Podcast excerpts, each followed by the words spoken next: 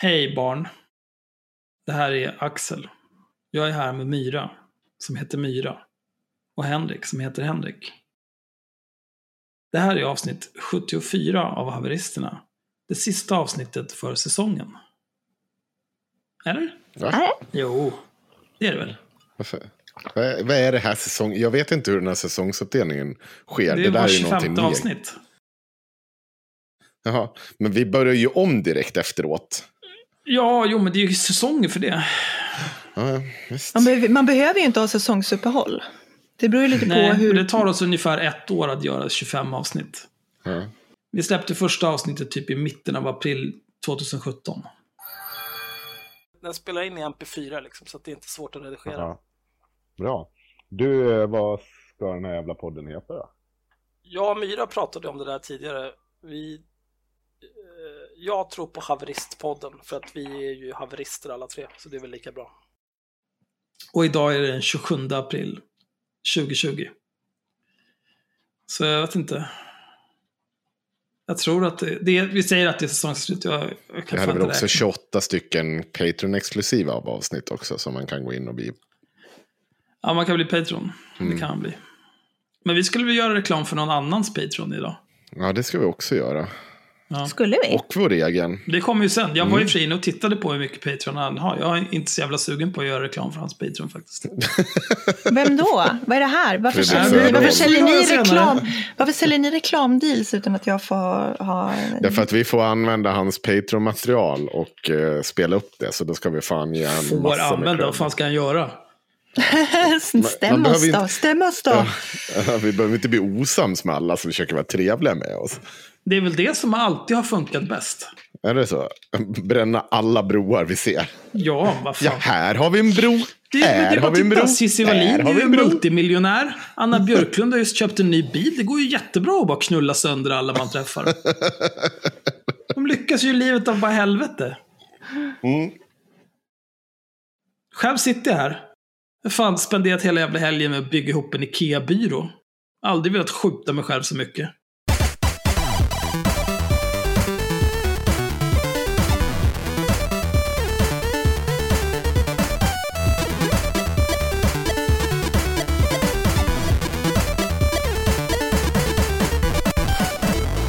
Men det är för att vi inte kan. Det är för att du är helt jävla Nej, otäck. det är klart jag inte kan. Jag håller inte på med kroppsarbete på det här viset. Hade du ingen du kunde betala från Workers som kunde komma och skruva ihop den här åt dig? Nej, det var faktiskt Andreas som gjorde det mesta. Jag lagade mat istället. Jag tycker vi ska jag- också... Ja, Va? jag tycker vi ska... Ja, nu har jag en byrå. Ja, vad bra. Starkt. Ja, kul. Jag har varit flytthjälp i helgen så jag är också rasande på världen. Ja, ja, jag hatar allt.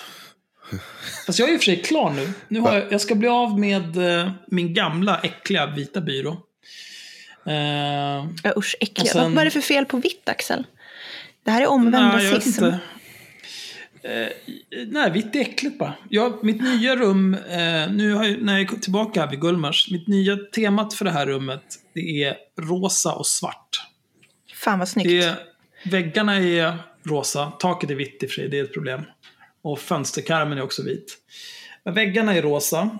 Eh, jag köpte ett svart bord, ett svart nattduksbord. Mina skärmar är svarta. Min mus är svart, mitt tangentbord är svart, min dator är svart, min mick är svart, mitt mickskydd är svart, alla sladdar är svarta, min väckarklocka är svart, min webbkamera är svart, min byrå är svart. Mina nya sängkläder är svarta. det här låter... Svart! Det låter som någon slags porrfilm. Nej, det, det handlar om att man, man håller inte på med massa gräll skit. Man samlar inte på sig massa jävla krimskrams i regnbågens alla jävla färger som man sedan strösslar över sitt hem.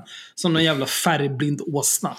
Fast jag, jag, skulle Enkla vilja, färger. jag skulle vilja hävda att jag tycker sämre om människor som inte har färgglada saker. Har du färgglada saker överallt så tyder det ändå på någon typ av, av så här, du tycker om någonting i livet. Det, människor som har noll personlighet, det är sådana här som bara har vitt. De bara, allting ska vara vitt, väggarna ska vara vita, jag ska bara ha vita IKEA-möbler. Eller om de är lite edgy så gör de allting svart, därför att de förstår inte färger. Jag som har jobbat som målare, jag som har jobbat som målare, Jag som har jobbat som målare. jag avskyr sådana där. För att du kommer hem till någon och så vill de bara så här, ah, nej men jag vill, ha, jag vill ha vita väggar, alla alla vill ha vita väggar. Och så bara, ah, kan du måla den här jättefina gamla trämöbeln vit? Och kan du inte så här...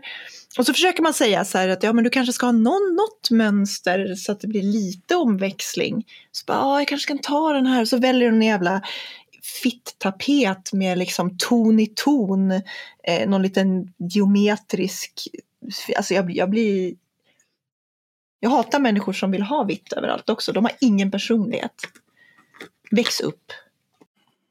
Jag hatar vitt och människor, men inte nödvändigtvis vita människor.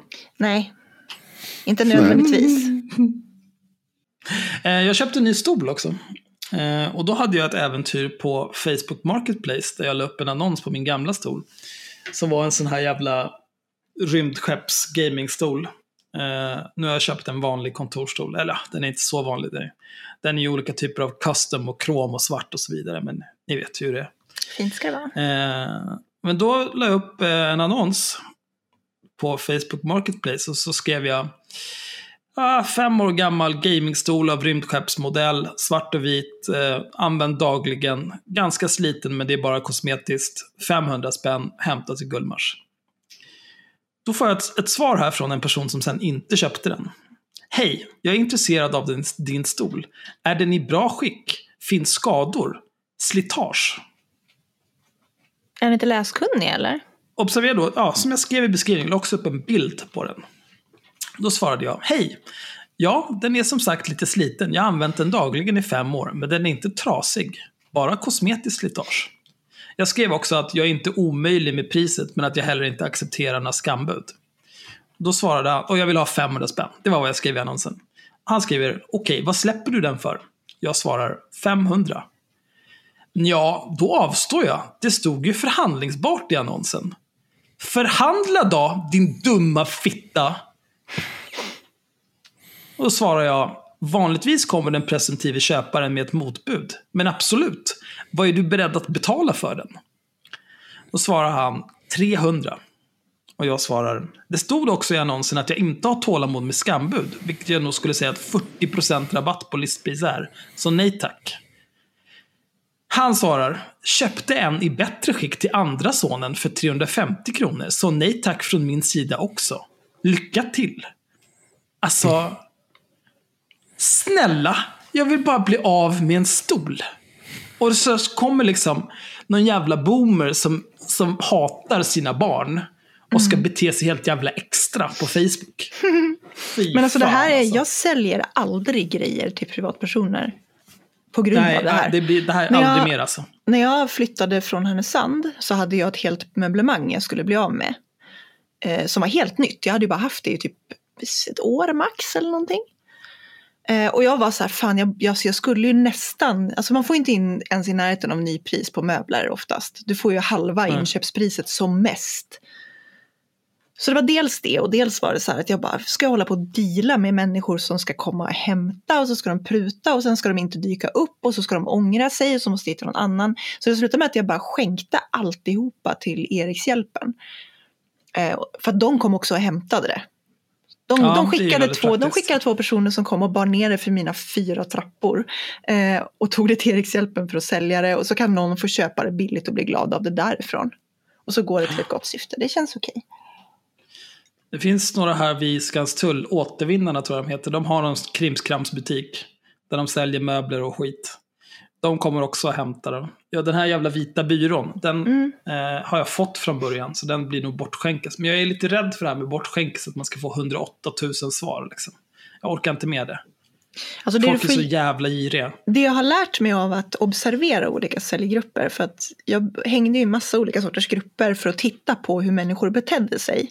Och bara njuta över att jag inte var involverad i det mesta av dramat. Eh, Det jag lärde mig var att om du ska göra bortskänkes så ska du vara stenhård på att liksom det är första, första personen, jag tänker inte paxa den, hålla den för någon. Det första som kommer hit och ringer på dörren för att hämta den får den. Mm. Det är enda sättet att göra det. Hej, finns varan kvar? Ja, men det var en lyckad försäljning av stolen i alla fall. Eh, tio minuter efter den här idioten så hörde det av sig en snubbe som kommunicerade på engelska. Han frågade, eh, finns stolen kvar? Ja, visst. Ja, jag tar den. Är du hemma ikväll? Ja, visst, sa jag. Sen hörde han av sig en halvtimme senare. Är du hemma nu? Jag kan komma förbi. Ja, visst. Nice. Så kom han hit, jag rullade ut stolen. Han provsatt, han sa bra och så swishade han 500 spänn. Så sa jag bra, ha det bra, hej. Om, Och så var det alltså, klart. Sån jävla hjälte alltså. jag, Det förstår är så dock, man gör affärer. jag förstår dock inte så här, varför vill man köpa någons gamingstol? För att du vet ju nästan säkert att, att ägaren av den här stolen har suttit i den alldeles för länge och släppt sig. Plus att du säkert, så här, det finns säkert tillfällen när ägaren av stolen har så här, kommit hem eh, på fyllan, suttit med bar underkropp och tittat på porr liksom.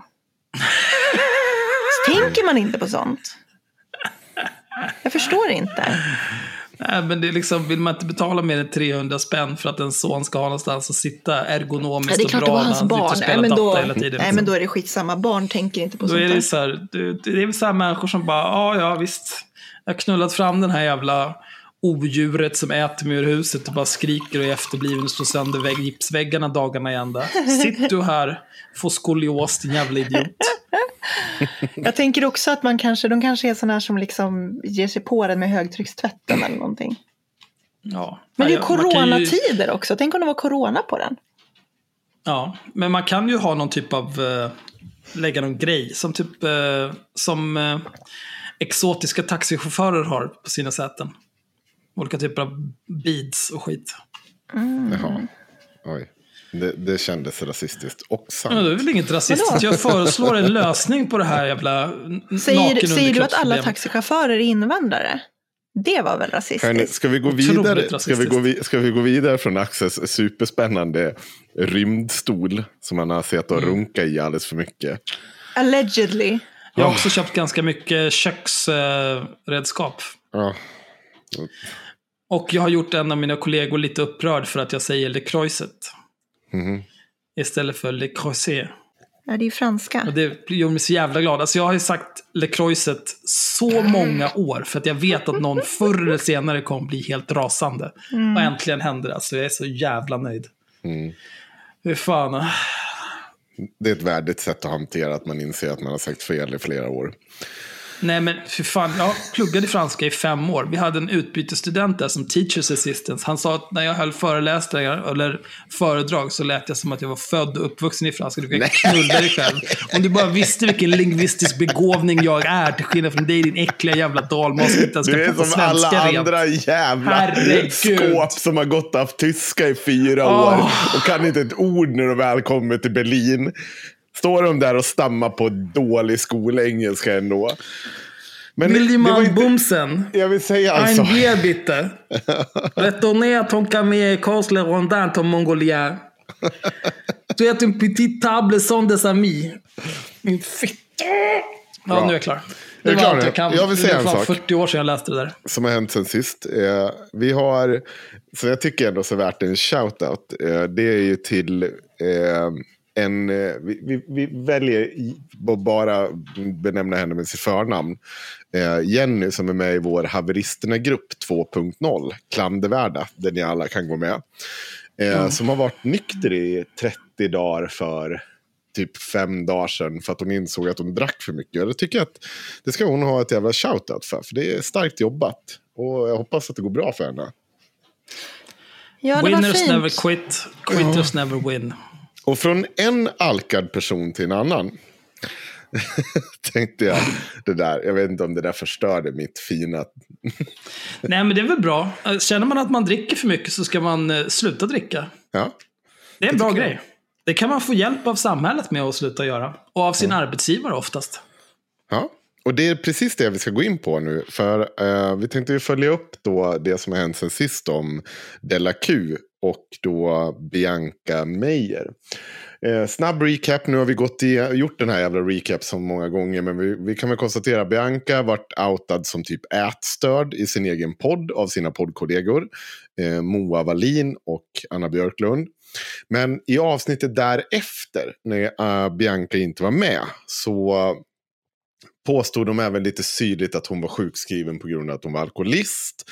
Men de valde också att ge sig på eh, profilen, eh, radioprofilen Fredrik Söderlund. Och hade en lång utläggning om varför Sveriges Radio typ skulle sparka honom och så vidare. Och nu har ju Bianca Meijer varit med i Gott Snack, som är Fredrik Söderlunds podd. Hon är fortfarande hyfsat förtegen om liksom, de breda omständigheterna. Men hon berättade eh, i podden att hon hade i nästkommande avsnitt skrivit en prata om eh, till försvar för sig själv och Fredrik Söderlund. Och den här pratan tog hon med sig eh, till Fredrik Söderlunds podd Gott Snack. Och vill man höra hela den pratan så måste man bli Patreon. Men vi har fått eh, rättigheten att spela upp en ganska stor del av den. Men jag, jag, tycker det är väl värt för det är totalt 13 minuter eh, Patreon-exklusivt guld. Så ni kan gott... Och hos honom betalar man väl per månad också? Ja, det går ju att lägga in någon dollar där om, om ni vill. 10 spänn i månaden. Ja, så får ni tillgång till det här. Det är toppen Nu ska jag i och för sig inte säga att alla har råd med det, för att jag vet att eh, jag har tittat på våra exit surveys på Patreon. Ja. Och det är fortsatt många som eh, anger ekonomisk situation på grund av corona. Ja, så är det. Så vi hoppas att det där löser sig för er snart. Eh, och ni är officiellt inte horungar. Nej, de, de bannar vi väl inte. För det vill jag inte sitta och banna någon som får pissdålig ekonomi plötsligt. Nej. Nej. Det har vi redan, Axel har redan uttalat att så inte är fallet. Eh, Fredrik vill också för övrigt att bjuda in hela, alla oss för att göra morgonradio hos dem. Aldrig. Oj, vad kul. Jag har ju varit där, men alltså man måste ju vara där klockan sju på morgonen, halv åtta typ. Aldrig! Jo, men jag kan... Aldrig i livet. Det händer inte. Fan, va- varför håller folk på så där tidigt på morgonen? Men det, jag kan tänka mig det. Någon gång. Alltså jag tycker ju på så här, jag, jag går ju inte upp tidigt på morgnarna eftersom jag har valt bort det i mitt liv. Till förmån för att vara fattig. Men eh, Du har alltså valt att inte skaffa ett riktigt jobb. ja absolut, men jag, alltså det är så här, jag, jag, får, jag får anpassa vardagen efter mina handikapp och ta de ekonomiska smällar det för, för med sig. Men eh, jag tycker liksom att tanken att göra morgonradio, alltså det är, någonting, det är någonting fint med att göra morgonradio ändå. Det är lite wholesome på något vis. Mm. Eh, jag tycker de var roliga. Jag har inte lyssnat på mer än deras Della Q-avsnitt och det, alltså, jag var ju där och spelade in ett avsnitt. Men Alltså jag, jag skulle säga så här, allt som caterar till folk som är vakna tidigt på morgonen, det är fel. Att sälja kaffe tidigt på morgonen, fel. Morgonradio, fel. nu, nu, är Morgon-tv, sådär, fel. nu är du sådär borgerlig igen. Det är de som Nej, går upp tidigt på morgonen som bär Sverige. Nej, men problemet är att den som deltar legitimerar. Det är inte Mm. okej att gå upp så där tidigt på morgonen. Sluta bara. Om alla bara började gå upp klockan 10 istället, vad fan ska de göra? Då får samhället anpassa sig efter oss istället. morgonen? Klockan åtta. Okej. Jag vill inte gå upp så där tidigt. Och då är jag ändå, ja, som jag sagt förut, jag har fem minuters promenad till jobbet. Jag går upp 10-8, borstar tänderna, klär på mig och går. Ja, men ni ska få höra då eh, lite från det här Patreon-exklusiva materialet materialens Gott Snack. Där Bianca då eh, berättar om vad som hände när hon då försökte göra en prata till sitt eget försvar och till Fredriks försvar. Och då kommer man nu, verkligen kom ihåg, de har alltså på riktigt eh, Sett Zeta sagt åt sin arbetsgivare att de typ ska sparka den här killen för att han är narkoman. Samtidigt som de skiter fullständigt att sin polare liksom mår piss och typ använder det som content. Eh, men vi kör härifrån. till liksom när ni tycker att, eh, att det blir för taskigt. Eller också ni kan säga till när ni kanske tror att de började skrika. Eh, Så när, eh, eh, eh, när började Anna ge dig eh, onda ögat? När skrek Moa, det här kommer aldrig sändas, fattar du det, det är jag som klipper. Och så, Det får du säga. så svårt att tänka vad de stormade Moa Har de det ens i sig? Jag har aldrig hört någon av dem. Jag fick sån eh, utanför kroppen-upplevelse. Och det, då kände jag verkligen att eh, nu är jag med i en film och Mm. det här är en sån eh, mobbingscen. Ja. Ah, det var också så att de sa så här. Eh, eh, här eh, var, varför, var, varför är du så nervös? Varför skakar du? Så där, alltså det var verkligen så här... äh, ehm, Det är intressant. Ja, de gick inte bara på innehållet alltså. ehm, nu ska vi se. Mm. Ja, ska jag köra då? Ja, Hoppas inte för långt heller. nej, men Då får ni. Eh, vilka poddveckor det har varit för mig. Först blev jag anklagad i min egen podd, men eh, i min närvaro för att ha anorexia, det vill säga för mycket självdisciplin. Sen blev jag anklagad också i min egen podd, men i min frånvaro för att sjukskriva mig från jobbet på grund av alkoholism. Det vill säga ha för lite självdisciplin. Hur ska ni ha det egentligen? Anledningen till ätstörningsanklagelsen var förstås eh, genuin omsorg och omtanke. Eh, det är alltid trevligt när någon bryr sig såklart. Men om den här podden varit en restaurang och det där varit oro och omtanke så hade jag nog ändå bett att få titta på menyn igen och se vad ilska och förakt innehåller. För jag har en känsla av att på just den här spännande avantgarde-restaurangen är det kanske något supergott. Alltså, jag tänker ju att redan här sitter de och skriker rakt ut. Det är så jävla bra. Men jag kan säga så här, hur kan man inte så här, fatta? Du, du har i ett avsnitt liksom haft en intervention, i ett annat seta bara haft någon slags lång utläggning om en narkoman och varför den ska få sparken och liksom inte bara stöd och hjälp som normalt får. Och sen blir du sur när någon kommer tillbaka och bara, det här var ju sjukt gjort av lite er. konstigt. Ja, men okej. men det är några minuter till vi ska... Eller vad, vad sa du Axel? Ja, nej, det, det är bara väldigt konstigt. Ja. Men jag ska... För när, jag- när jag gjorde ehm, bilden till eh, livestreamen, Mm. då gav jag ju eh, både Bianca och Moa laserögon. Mm. eh, och eh, Anna en Hitlermustasch, för jag tänkte det är ju hon som är äckligast ändå. Men jag tror, om jag skulle göra den idag, då skulle nog Moa också få en Hitlermustasch. Och inga laserögon. Hon har inte förtjänat det. Ja, vi är inte klara än. Du ska föra med nu. I alla fall, eh, jag kan lugna eventuellt oroade lyssnare. Är det än så länge grovt? Nej, nej, nej, gud nej. Nej. Eh, med att eh, eh, både min hälsa och vår gruppdynamik är god. Jag ska inte överdriva, den är helt okej.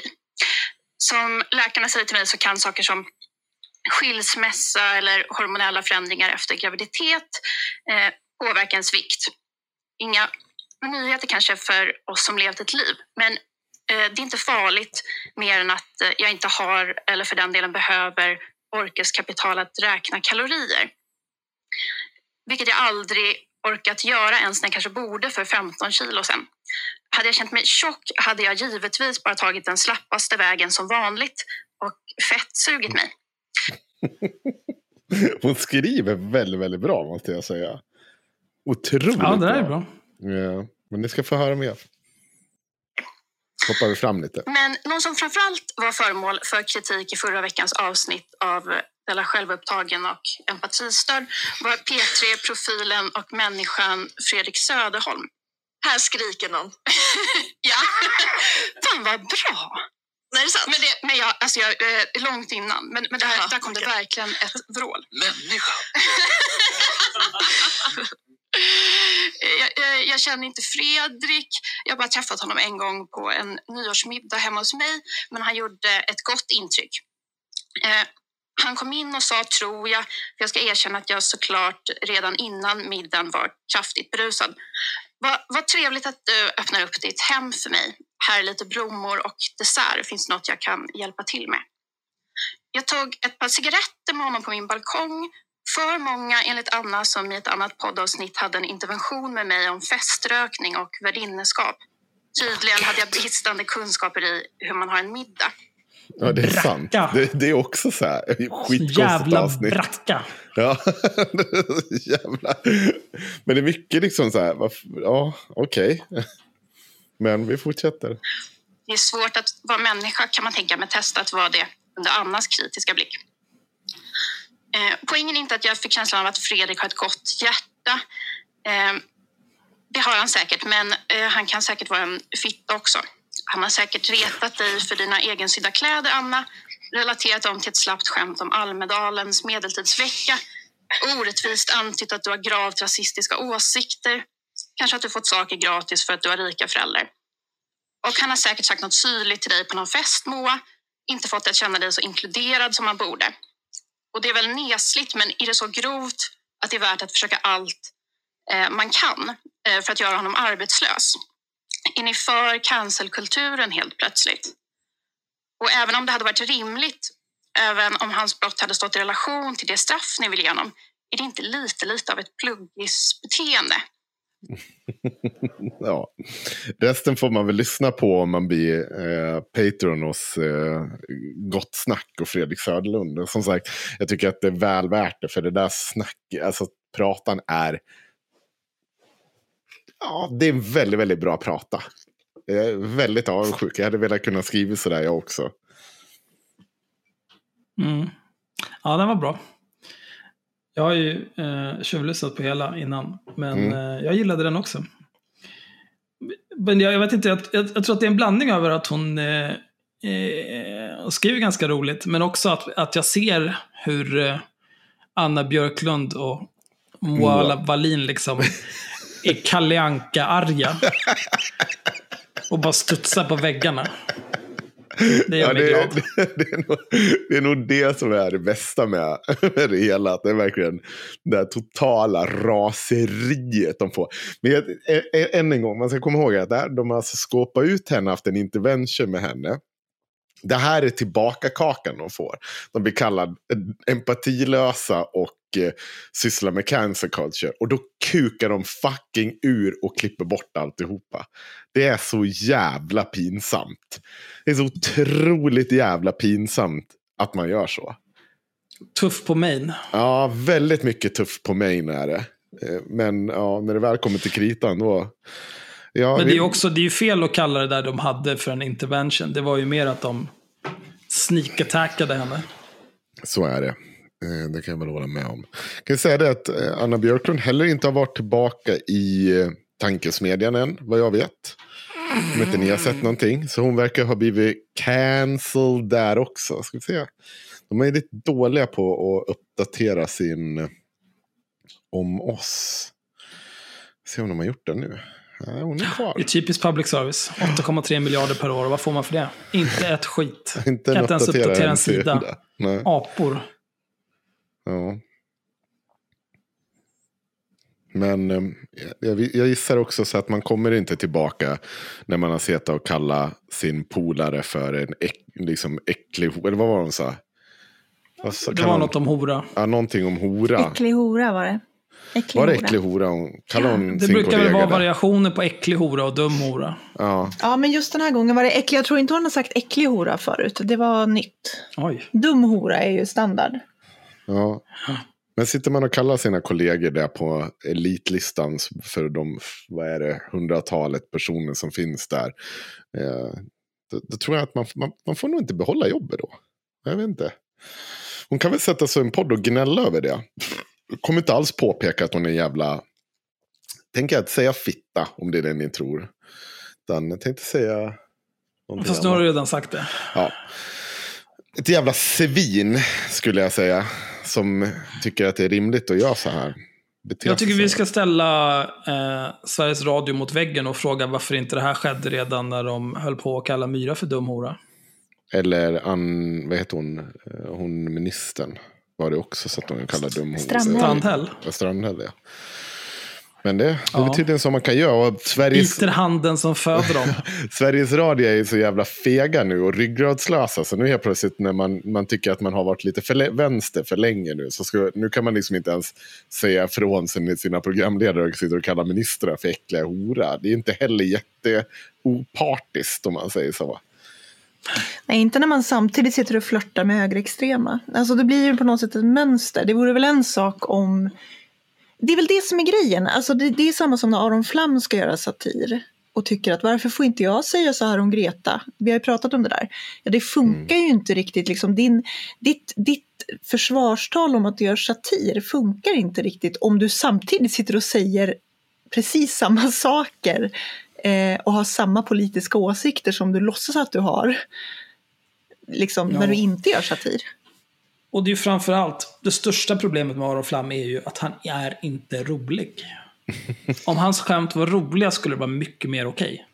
Han var ju rolig. Eh, typ en, jag har sett en grej med honom där han var jätterolig. Det var det från Almedalen. Men det tror jag... Sen har jag typ inte sett så mycket mer med honom. Mer än så här kortare grejer.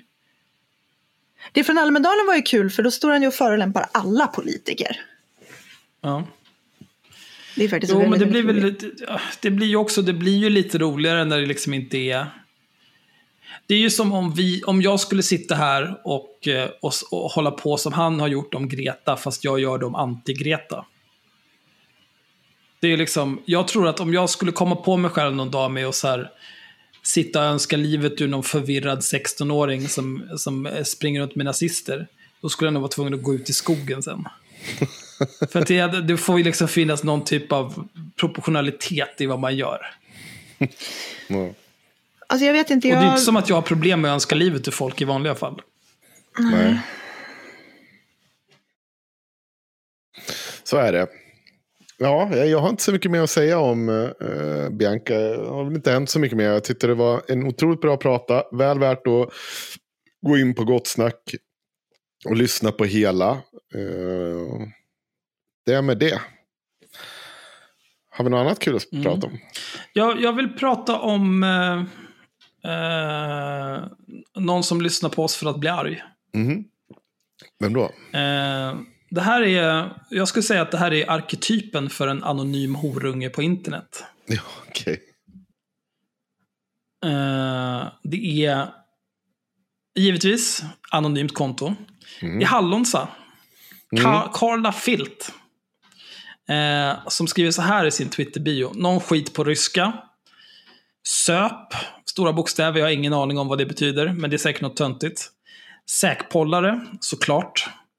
A Swedish elf. Och sen något citat här. Flack means that you are over the target. Mitt i politiken. En och annan polska. Oklart vad det ska betyda. Men han, han har någon slags koppling till Polen. Han, tänker jag anta, vem vet? Det, det kan ju vara en kvinna. Ja, absolut.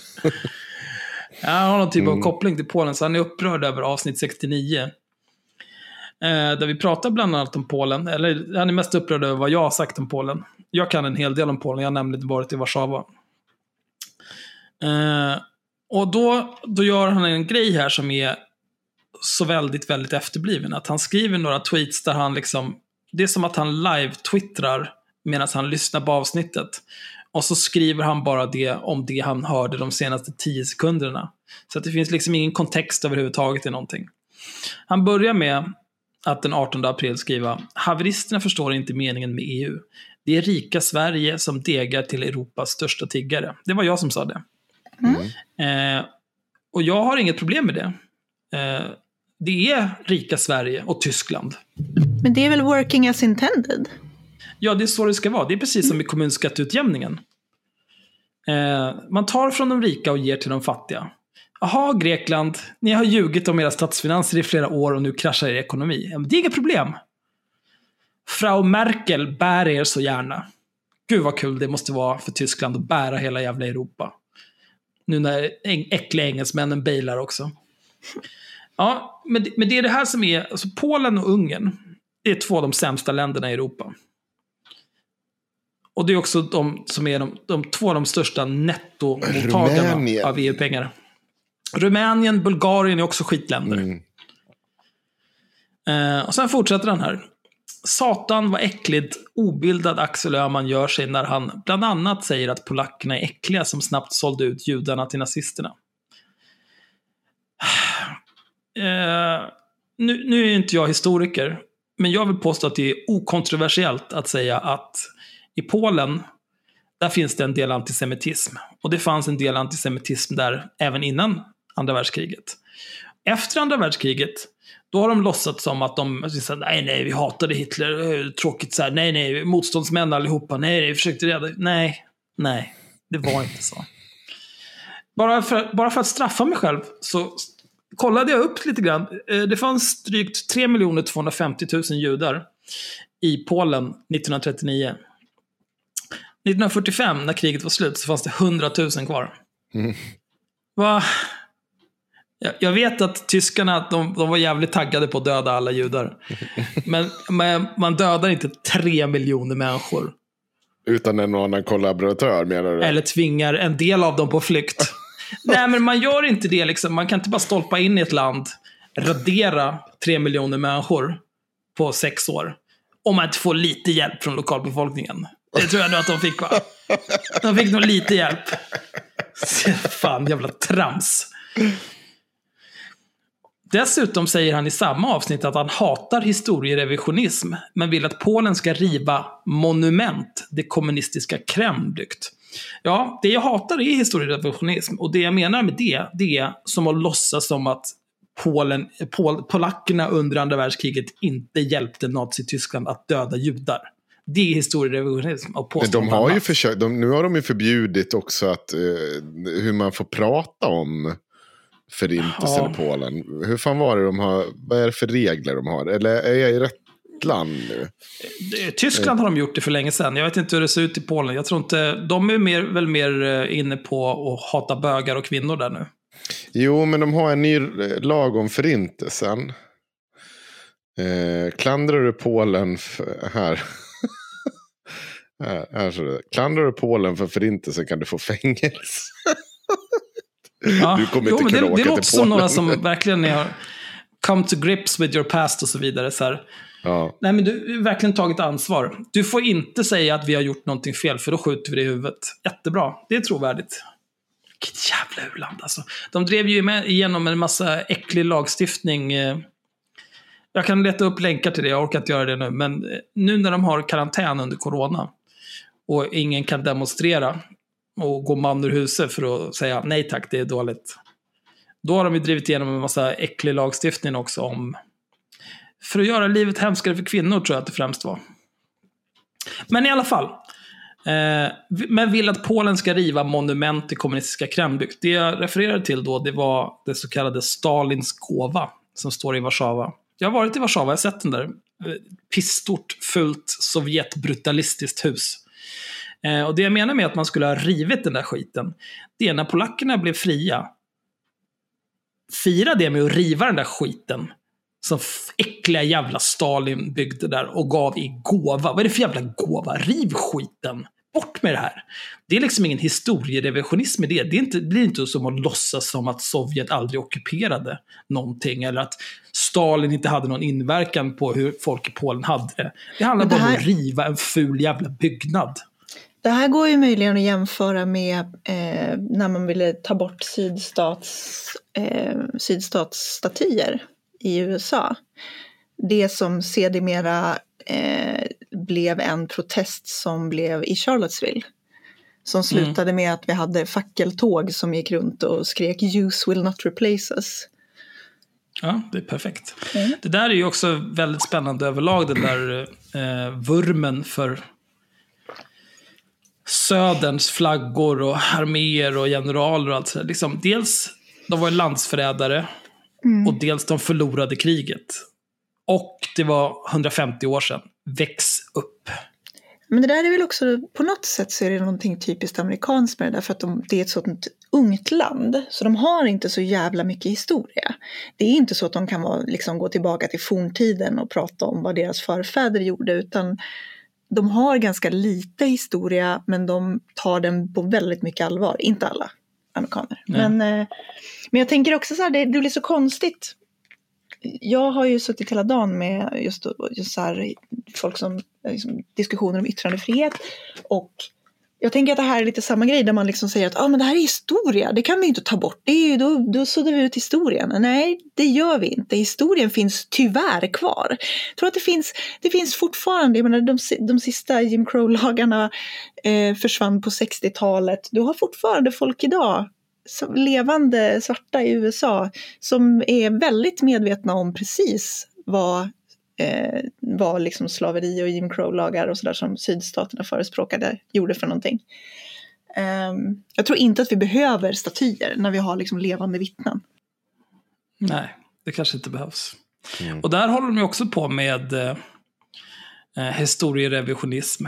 Mm. För det är ju, i södern så var det ju eh, de, som var, de, de politiker i södern som ville ha kvar slaveriet och allt det där, de var ju demokrater på den tiden.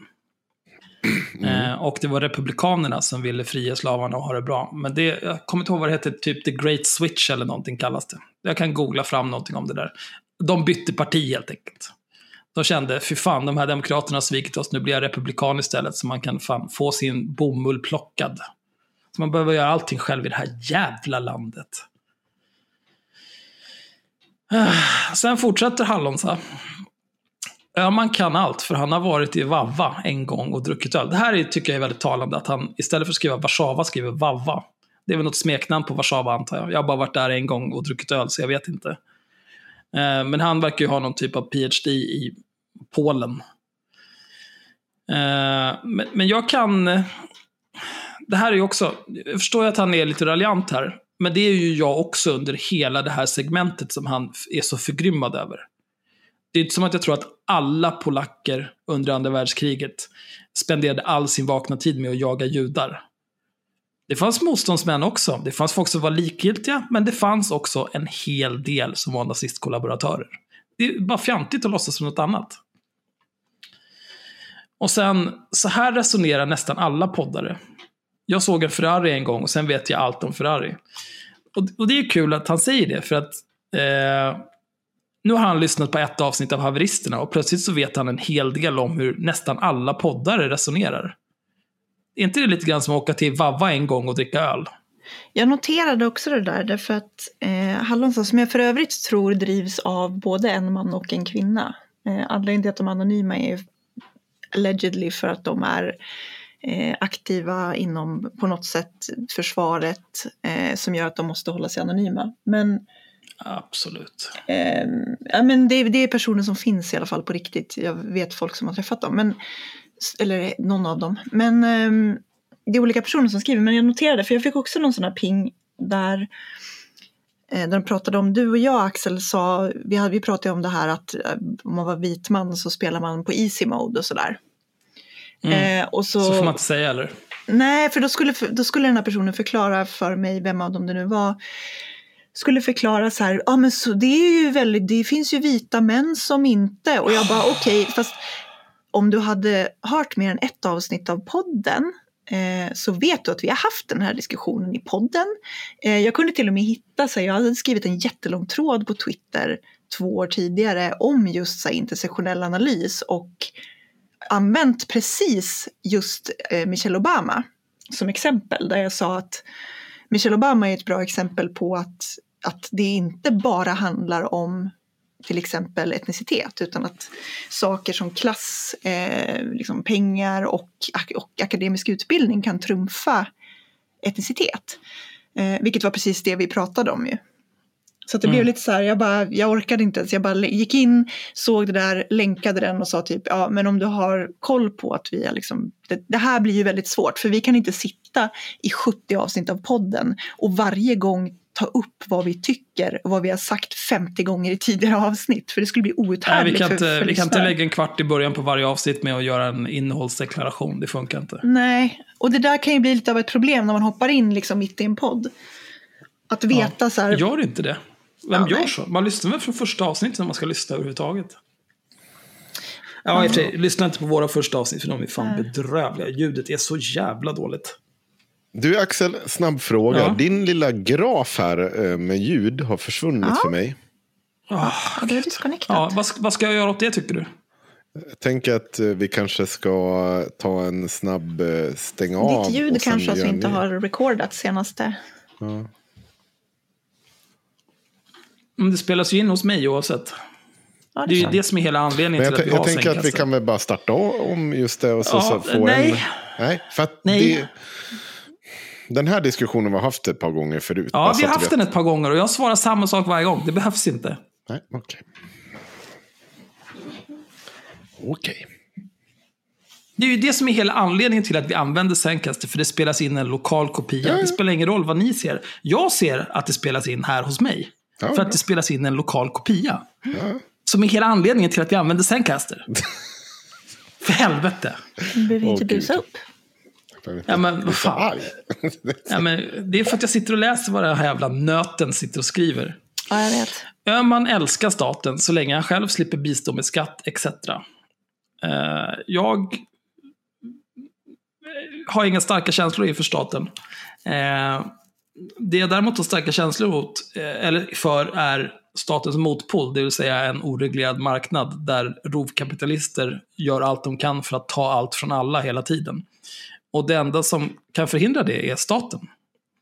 Staten är väl som bäst. Eh, för, hade du frågat mig för eh, ett och ett halvt år sedan, när jag var en enkel löneslav, då hade jag sagt att staten är bra, gör bra grejer. Nu skulle jag säga, nu när jag är en framgångsrik företagare och eh, verkställande direktör i inte bara ett, utan två bolag, skulle jag säga att staten är ett nödvändigt ont. Och eh, jag betalade sinnessjukt mycket skatt förra året. Gott om fördomar och dubbelmoral rakt igenom, absolut.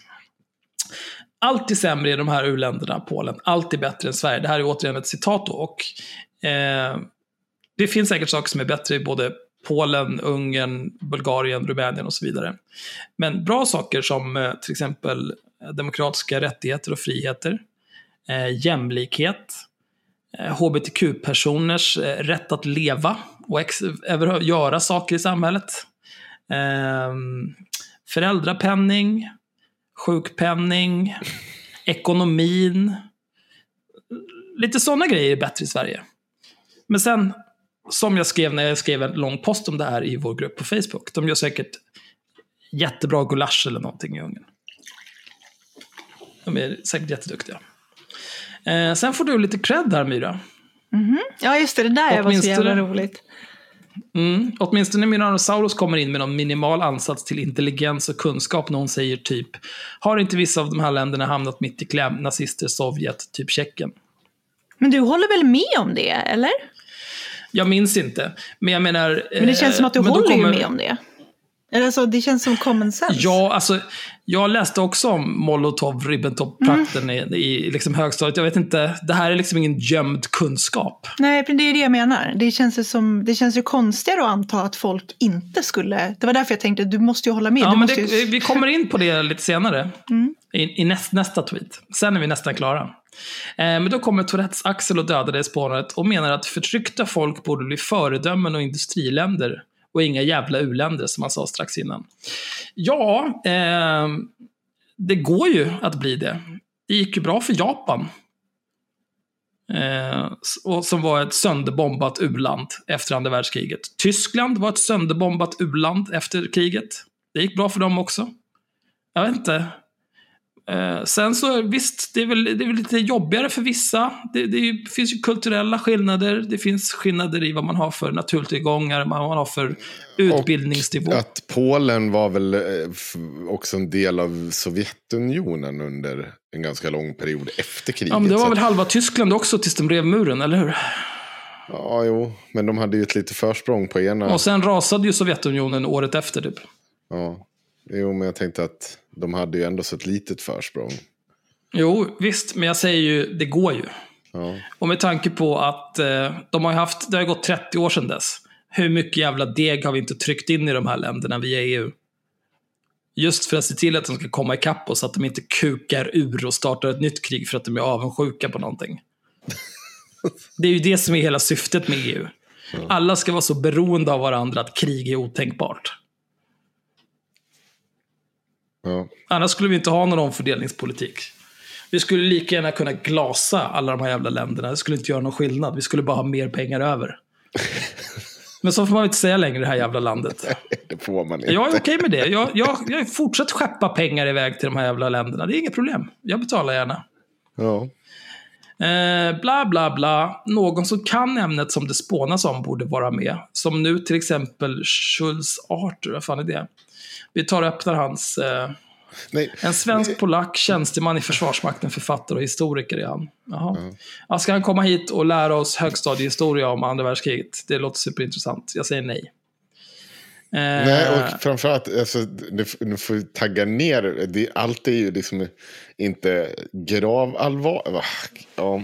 Nej, men han har, han, de har en tanke här. Någon annan expert i nästa ämne etc. Tänk på att många lyssnare är unga eller historiekunniga och inte så välberesta heller. Vad i hela min röv vet du om det hallonsa, din dumma jävla kuk? Håll din käft! Jag har ju fan till och med i ett avsnitt gått igenom vår Spotify-statistik. Den absolut minsta demografin som lyssnar, det är 18 till 22. Sen är det 23 till 27 eller någonting sånt. De största är 28 till 44. Det är två, två indelningar där. Det är de största. Det är vuxna människor. Som precis som jag har gått ut högstadiet och har läst om andra världskriget och Molotov-Ribbentrop-pakten. Ja, Du har liksom- du- lite fan- deprimerande att vi har en bunt liksom 28 till 40-åringar som tycker om att ha lyssnat till folk som skriker horunge i parti och minut. Men det är- är det de som mindre- oss. är det De är mindre- samma generation som oss. Är det mindre deppigt än att du är en person som sitter och skriker horunge? Jag förstår inte. Kan du bara inte komma här och komma? gå någon annanstans? Vem- du har väl, vem är du har väl någon jävla problemet? råtta att ta vara på? Gå och ta vara på flera den. stycken. Och gör någonting. Jag får, ju, Ja. jag får ju två nya bebisar snart. ja. Ja, men det är egentligen det här som stör mig mest. Att eh, den här människan eh, har så jävla mycket åsikter och kan så jävla mycket om en hel del. Men när det egentligen har visat sig att den här, all den här gömda kunskapen som den här personen sitter på i högstadiehistoria. Plus att han vet en hel del om vad vi har för, eh, vilka, vad de som lyssnar på oss är. Han vet en hel del om hur de flesta poddar är. Men samtidigt så är det, är det jag som på något vis eh, är kategorisk i mina uttalanden. Det är det som är hela selling pointen med den här podden. Det är det jag bidrar med. Jag raljerar kategoriskt om saker jag tycker illa om. Har du inte begripit det efter att ha lyssnat på 69 avsnitt? Det skriver han här. Jag har lyssnat till avsnitt 69, inte hållit med om allt men gillat mycket. Om du har lyssnat på det här i 69 avsnitt och inte begripit detta, då föreslår jag att du söker vård omedelbart, för du har fått en stroke. Fy fan alltså. Idiot. Han avslutar i alla fall med, för att förekomma, jag avskyr både Orban och lag och ordning. Lag och ordning är ju clownpartiet i Polen. Mm. Och Viktor Orban förstås, eh, Ungerns diktator. Som, vad fan heter han, hjälten? Eh, Juncker. Ja, just det. Åh, jag måste länka den. Here comes the dictator. Så jävla bra. Bara Ja, klappa fan. honom på kinden och skrattar åt honom. Så jävla det är så bra, rätt. alltså. Det är ju, eh, Åh, det är ju väldigt, eh, väldigt effektivt mot fascister att driva med dem på det sättet. ja. Ja, det är fan Juncker och Merkel. Europas mormor och morfar. Så länge de finns här, då kommer allt bli bra. Fast Juncker har kanske gått i pension nu. Jag vet inte. Sen har vi Trump som är den lite lätt, lite lätt suspekta morbrorn som dricker för mycket. Mm. Den debila idioten från landet. Mm. Som ingen vill bjuda Nej, in men som inte- dyker upp ändå för att man kan inte låta bli att bjuda in honom för att det är en släktträff. Och sen det bästa med hela det här, eh, det är att allt det här skrev han ju i en tråd den 18 april. Men den 16 april redan så har han skrivit i en separat tråd, vilket arsle Axel är. Så det här är så någonting som har gått och gnagt på den här personen i två dygn. Om jag då vill återkoppla till att jag har gått runt och sagt LeCroixet. För att jag har vetat att någon, någon kommer känna 10 sekunders intensiv vrede och rätta mig. Och att jag har gått och gottat mig över det. Kan ni ens begripa hur glad jag är över att den här personen har gått runt och knutit näven i fickan i två dygn innan den här idiotiska tråden. Alltså, jag är i extas just nu. Extas, hur fan. Hur kan man äga sig själv på det här viset? Det är det sjukaste jag har sett. Ja, Ja, nu är jag nöjd. Nu, nu, är fan, nu har det avsnittet pikat. Nu lägger vi ner. Nu skiter vi i det. nej. nej. Inte klara än. Myra ska få... Vill du köra nu eller vill du vänta lite Myra? Nej, det spelar ingen roll för min del. Hade du någonting du ville ta upp? Då kör jag på i så fall. Eh, Donald Trump har ju fått ett par hjärnblödningar, på, på tal om hjärnblödningar som ni snackar om. Eh, förutom då hela världen sitter och skrattar åt att han sa att han skulle spruta in desinf- desinf- desinfektionsmedel Desinfektionsmedel. i lungorna på folk och eh, kör ner någon slags jävla UV-lampa för att döda ljus. Alltså den filmen när den här kvinnan sitter bredvid och man ser livslusten bara sakta gå ur hennes kropp. Ni kan se det på vår Instagram. Det är fan magiskt. Jag, jag, alltså, så här, jag vet inte hur det känns. Och fatta det någonstans. Jag har haft med, jag har ju ändå så varit i närheten av någon slags typ av toppolitiker i Sverige i och med Peter Hultqvist och att han är vår liksom, försvarsminister. Och han har varit eh, min chef en gång i tiden. Och det är ju liksom lite formellt när Stefan Löfven och sådana kommer på besök och man vet att det är lite tjo och tjim kring det där och det ska vara så uppstyrt och sådär. Men tänk dig då liksom att sitta där i nu, USAs president står och pratar. Inte liksom det lilla u-landet Sverige som trodde att de kan. Utan USAs president står där och bara svamlar och har någon slags provprat inför hela världspressen.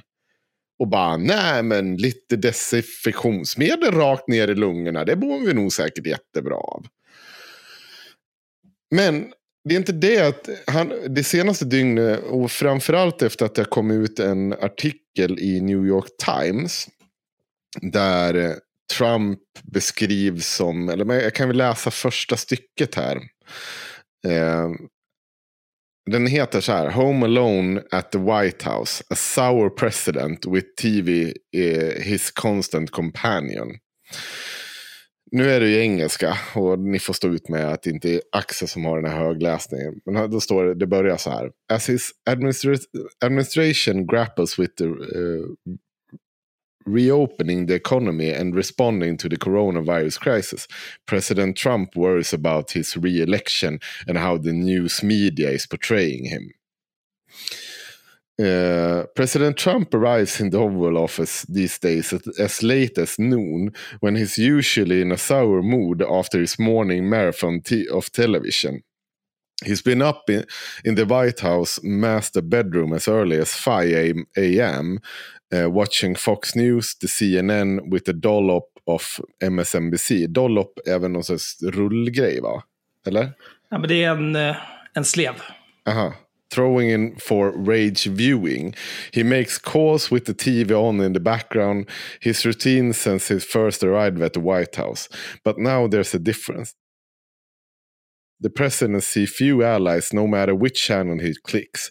He's angry even with Fox, an old security blanket, for not portraying him as he would like to be seen. And he makes time to watch Gov- uh, Governor Andrew Mc- M. Kumos briefing from New York, closely monitoring for a sporadic compliment or snipe. Confident to the White House, the president is isolated from the supporters, visitors, and travel and golf that once entertained him. According uh, to a more, more than a dozen administration officials and close advisors who spoke about Mr. Trump's strange new life, uh, he is tested weekly as vice pres- uh, uh, as is Vice President Mike Pence for COVID-19, the disease caused uh, by the coronavirus. Och så fortsätter de då prata om hur han liksom vankar av och an i Vita huset. Och eh, typ inte läser på innan han ska gå upp i de här stora briefingsen han har varje dag. För det, till skillnad från Sverige så är det ju där är det ju liksom Trump som står och håller hov. Och inte liksom Folkhälsomyndigheten tillsammans med Socialstyrelsen. Utan där är han som håller hov tillsammans med någon stackars jävla läkare. Han Andrew Fauci eller vad fan han, hur man uttalar det. Som liksom hela tiden Fauci, får, tror jag. ja, Fauci, som får hela tiden få stå och städa upp efter honom. Ja, han har det så jävla hemskt. Ja, men det är också så här, när man kollar det här. Jag tror jag sa det här i förra, i den här livepodden vi körde. Att det är också speciellt för att nu har vi ju levt med Karn här i, vad fan är det, fem, sex, sju år. Liksom sen han drog igång sin presidentvalskampanj till han blir president och så vidare. Och så har man liksom någonstans inte brytt sig så mycket i. Det kommer upp ibland, han säger något nytt korkat. Och så tänker man inte så mycket mer på det. Men nu har det ju blivit så att man har liksom sett och gått och kollat på honom när han står i de här presskonferenserna. Och man bara, det här är ju verkligen en, en pågående hjärnblödning. Det finns inget annat sätt att beskriva det. Och man ser också på hans Twitter att han blir helt liksom rabiat, bara mer och mer galen. Man kollar idag, jag ska se om jag kan få det här en tidslinje. Lägger den där, där. Uh, åtta, där, där, där, då ska den där dit. Så här kan väl Klippan lägga in någon typ av hissmusik eller någonting.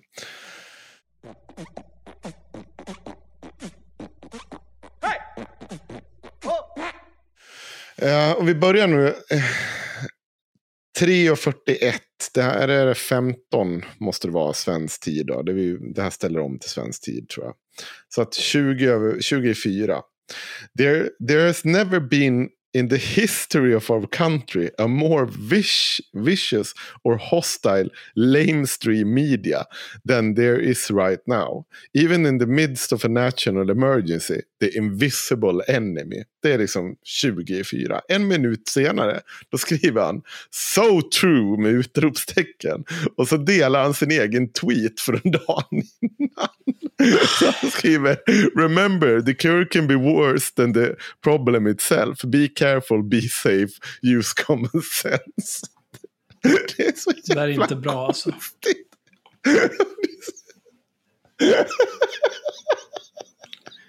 Det där är ju... Eh, så det, det är ju ett problem att han är en galning. Ja. Men, men det, alltså, det största problemet är väl att han liksom står, som det där du började med, att han står och ja, men, eh, injicerade sig fiktionsmedel i lungorna. Och, va, va? Vad fan pratar de om? För det, det, man vet ju att det kommer ju finnas folk som är så sjuka i huvudet att de lyssnar på honom och gör det. De Ja. kommer ju dö. Ja, men sen, Eller ta upp intensivvårdsplatser helt i onödan. Ja. Sen sex minuter senare. Då bara, Fake news! The enemy of the people! Skrek jag i öronen nu? Nej. Nej, bra. Uh, ska se.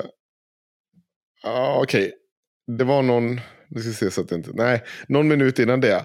Why should the people and taxpayers of America be bailing out poorly run states like Illinois, Illinois as an example, and cities, in all cases Democrat run and manage?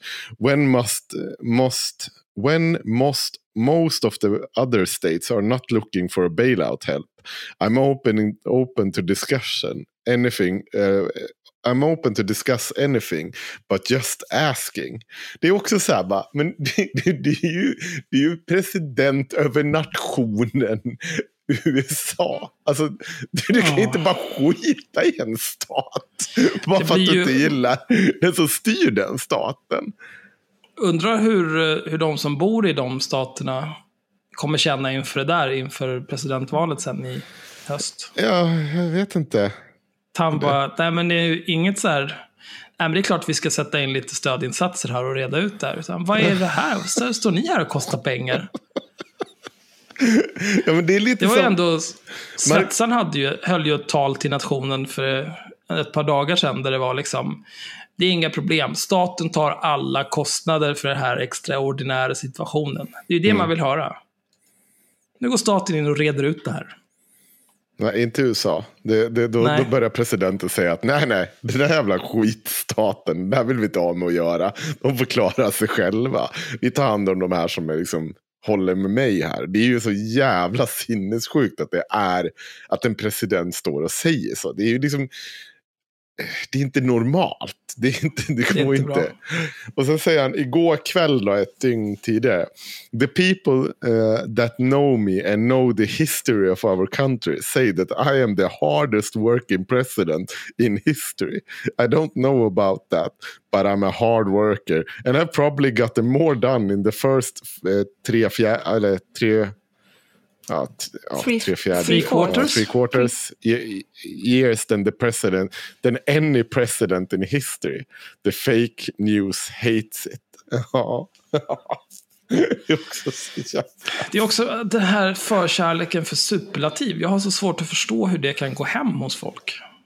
Ja, det är ett annat För det är ju land. en sak... eh, Jo, men ändå. Alltså, jag, jag tycker det, det är ju ett... eh, Jag tycker att det är ett tecken på att man är korkad. Ja. Att man köper alla de... Det är ju, eh, Sverigedemokraterna kör ju också det där. Mycket superlativ. Mm. Eh, och jag, jag, jag tycker att man är pantad om man går på det. Utan att ifrågasätta överhuvudtaget. För att det är just det där om... Jag tror inte att Donald Trump har åstadkommit mer under sin första mandatperiod än vad någon annan president har åstadkommit under en mandatperiod. Alltså Donald Jag tror att det är Trump, ganska lätt att kolla det. ja, det, är, alltså, det Donald Trump har åstadkommit som möjligen kan ses som att han har lyckats med någonting eh, är ju hans eh, skattelättnader eller skatteändringar.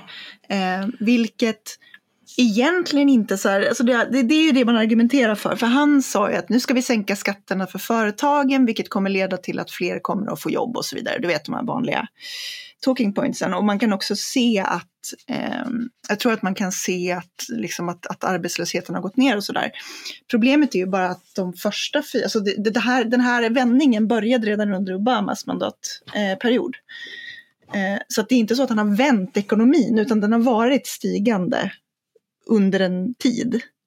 Och han har liksom fortsatt på samma bana. Så att Mm. det är oftast inte förrän åtminstone en mandatperiod man börjar kunna se effekterna. Liksom det, tar ju, det tar ju kanske liksom fem, fyra, fem, tio år innan reformer börjar synas i siffrorna. Um, Men det är nog det enda han har fått igenom tror jag. Möjligen någon utrikespolitisk grej också.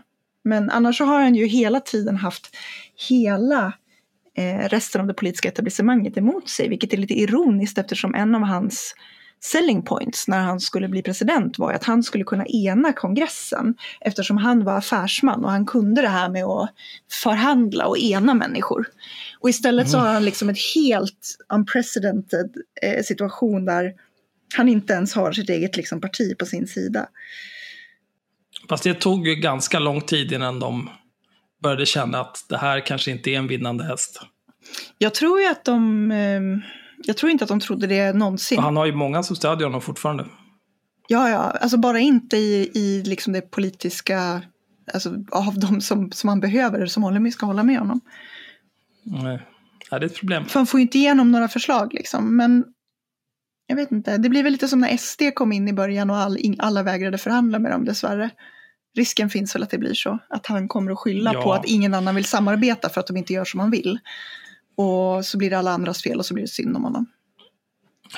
Ja, jag säger som jag alltid har sagt, alltså, så fort SD kom in, så skulle jag bara sagt direkt, nej, men, nej, nej, kom hit, kom hit, förhandla med oss här, vi gör som ni vill. Hur, hur vill ni göra? Ja, men, skriv en motion du, skriv en motion. Jag skriver på den, det blir jättebra. Så lägger vi fram den tillsammans här. Titta vad bra det blev. Ja, nu tankar ekonomin ja. Ja, det var ditt fel. Ja. Ha det bra. Hej då. Eller bara så här uppmuntra dem på det där sättet som man liksom uppmuntrar dagisbarn. Och sen när de väl säger vad de faktiskt vill göra, när de har kommit så långt att de tror att de har stöd för allting, då säger man att de har pankt hela tiden. Mm. Och pekar på den dolda kameran och gapskrattar. Vi jobbar med för lite Ja, fan vara entrapment. Apropå Sverigedemokraterna. Mm. Mm. Är, är, det, är det lagligt i Sverige? Jag vet inte, jag Nej. tror Vad fan inte det. heter det? Va, åh, det heter någonting. Uh, brottsuppviglan? Nej, inte Provokation. brottsuppvig- Brottsprovokation. Brottsprovokation heter det. Jo, jo, men det är ju Ah, bara om du är polis. Jag menar så här, som, som politiker borde du ju kunna sätta dig och låtsas stött och vara så här, åh men vilka bra idéer, berätta mer om era idéer tills du har deras förtroende och så börjar de prata om så här gaskammare och arbetsläger och då kan du bara avslöja dem för det. Det hade nog varit en smartare. Nu har de ju blivit så jävla försiktiga för de har ju kastat ut alla som är, inte kan städa upp sig och ta på sig en kostym. Ja, de har ju haft tio år på sig nu att rensa ut det värsta slöddret sedan de kom in i riksdagen. Men de är ju fortfarande helt jävla efterblivna. Jag vet inte, jag skrev ju någonting om det. Sverigedemokraterna hade ju nu haft, apropå Trump, så tog ju de, Trump har ju kallat det för kinessjuka, kinesvirus och grejer.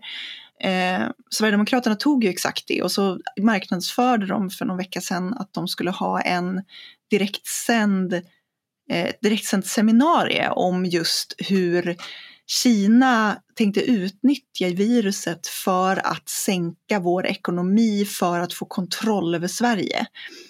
Eh, varpå jag Mm. påpekade att det var ganska rich att Sverigedemokraterna, mig veterligen det enda partiet som under en längre tid haft en vandrande rysk påverkansoperation i Jönssonligan-tappning vandrandes inne på, på riksdagskansliet.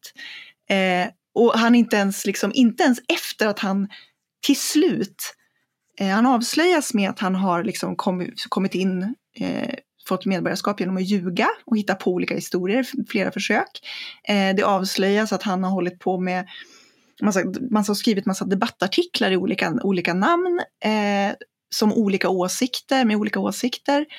Eh, men det är först när det visar sig att han har samverkat med någon rysk kriminell affärsman eh, som har i princip sålt honom ett hus som han sen säljer vidare med liksom en vinst på fem mille. Det, är så här, mm, det här luktar lite skattefusk mm, och då avgick han ju Ryssbabs. Men först då. Mm. Och Mattias Karlsson som var den som höll i det här seminariet gick ju även ut i Expressen eller Aftonbladet eh, efter det här att han hade avgått och tyckte att ja, det är lite märkligt det här men ja, men det finns ju inga bevis på att han har gjort någonting. Och då känner jag så här, det här är inte en person som har expertisen för att prata om hur vi ska vara försiktiga inför eh, utomstående länders hot. Nej. Och sen, eh, ja. De hade ju också, det var väl eh, Hane och Kassastrand åkte väl skytteltrafik till Ryssland också, när de fortfarande var en del av... Jag tror att det var efter, men jag är inte säker. Det vet säkert Henrik. Ja, det kanske var efter, det är sant. Jag har inte någon Jag tror det var under AFS. Ja, men när de, var, när de hade AFS Ja, då var de ju och hängde med nog. ryssarna och tyckte att det var så fint. Men SD Jag har, har, ju eh, också täta, alltså de är ju inte heller... De är, gillar ju också De är inte ryssfientliga. Nej, de gillar ju alla. De gillar ju Ryssland, de gillar Ungern, de gillar Polen. Alla jävla fascister. Man vill ha en pappa. Ja. En stark pappa som rider på en björn. Mm. Jag har faktiskt det här eh, seminariet, det de skrev på Sverigedemokraternas Facebook-sida. Mm. 23 april. Ja, det var den. Mattias Karlsson kommenterar webbseminar- webbseminariet Is China the new global threat? Som hålls i eftermiddag, länk nedan. Och här skriver då den här jävla apan. Vi kan inte tillåta det kinesiska kommunistpartiet att utnyttja svagheten som det kinesiska viruset har skapat för att köpa upp vitala delar av Sverige och Europa. Det är ett av ämnena jag kommer att fokusera på under seminariet. Kort sagt, min starka oro att det kinesiska viruset ger Kinas kommunistparti en möjlighet att köpa upp Sverige till reapris. Mm. Eh, och det här med kinesiska virus, det är ju som du sa, det är ju stulet rakt av från Trumperino. Ja. Men det är ju ett sätt att, att han, har, han var ju överlycklig nu när han kunde sätta liksom olika typer av embargos mot Kina och sådär. De, USA är ju skyldig Kina skitmycket pengar. Ja, alla är skyldiga Kina skitmycket pengar. Men alltså just det här att Kina skulle vara det nya hotet. Kina har väl varit ett hot hur länge som helst, det är ju uppenbart.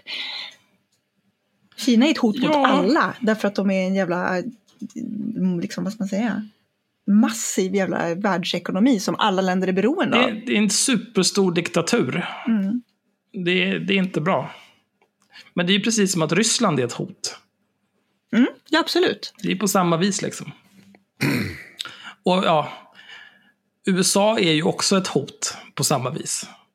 Bara det att eh, de, de tenderar att inte vara helt sinnessjuka i USA.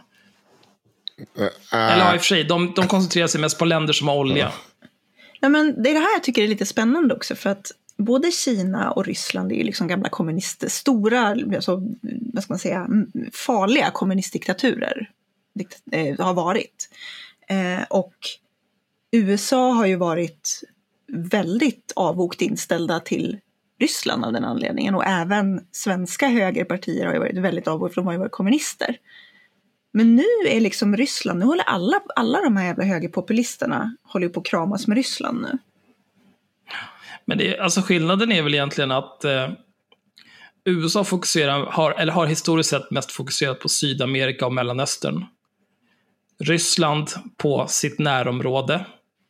Mm. Eh, gamla Sovjetstaterna och så vidare. Tronar på fornstora kukar och så vidare. Och Kina har ju... Eh, så Kina har ju det där problemet att de har 5000 års kultur att luta sig tillbaka på. Och det gör ju att man kan få rätt mycket luft i huvudet och tro att man är något. De är ganska många också i Kina. Ska vi inte Ja, glömma. och sen när de är en och en halv miljard människor och har liksom eh, kärnvapen och, Mm. och så vidare. De tycker Taiwan, det där är ju Kina. Hongkong, det ser ut som Kina. Jaha, vad har ni här i Afrika då? Men ponera att vi kommer hit och så bygger vi en hel massa grejer. Och så kan ni dega oss med alla de här trevliga naturresurserna ni har här. Det blir väl bra? Det är lite som barn i sandlådan som precis har kommit på när man, att saker är mina.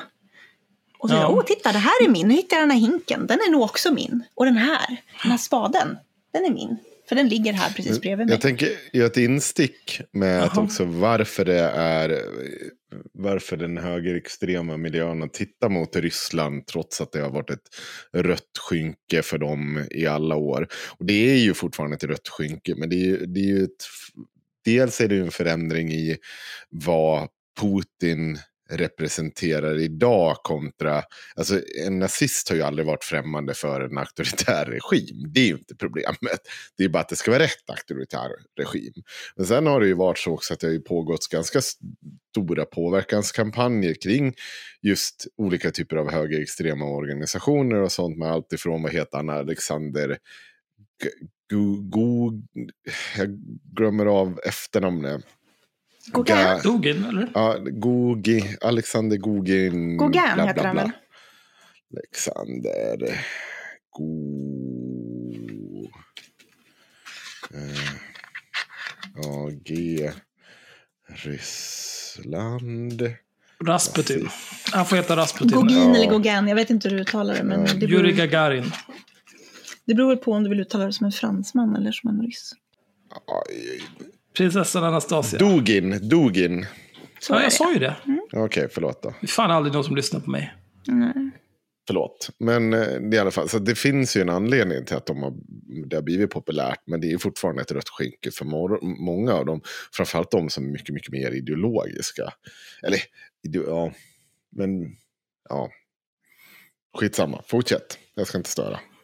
Ja, nej, det, men det enda jag hade mer att säga egentligen är för att anledningen till att europeer har en, en större benägenhet att se Ryssland och Kina som hot är för att Ryssland och Kina har helt öppna intressen i Europa.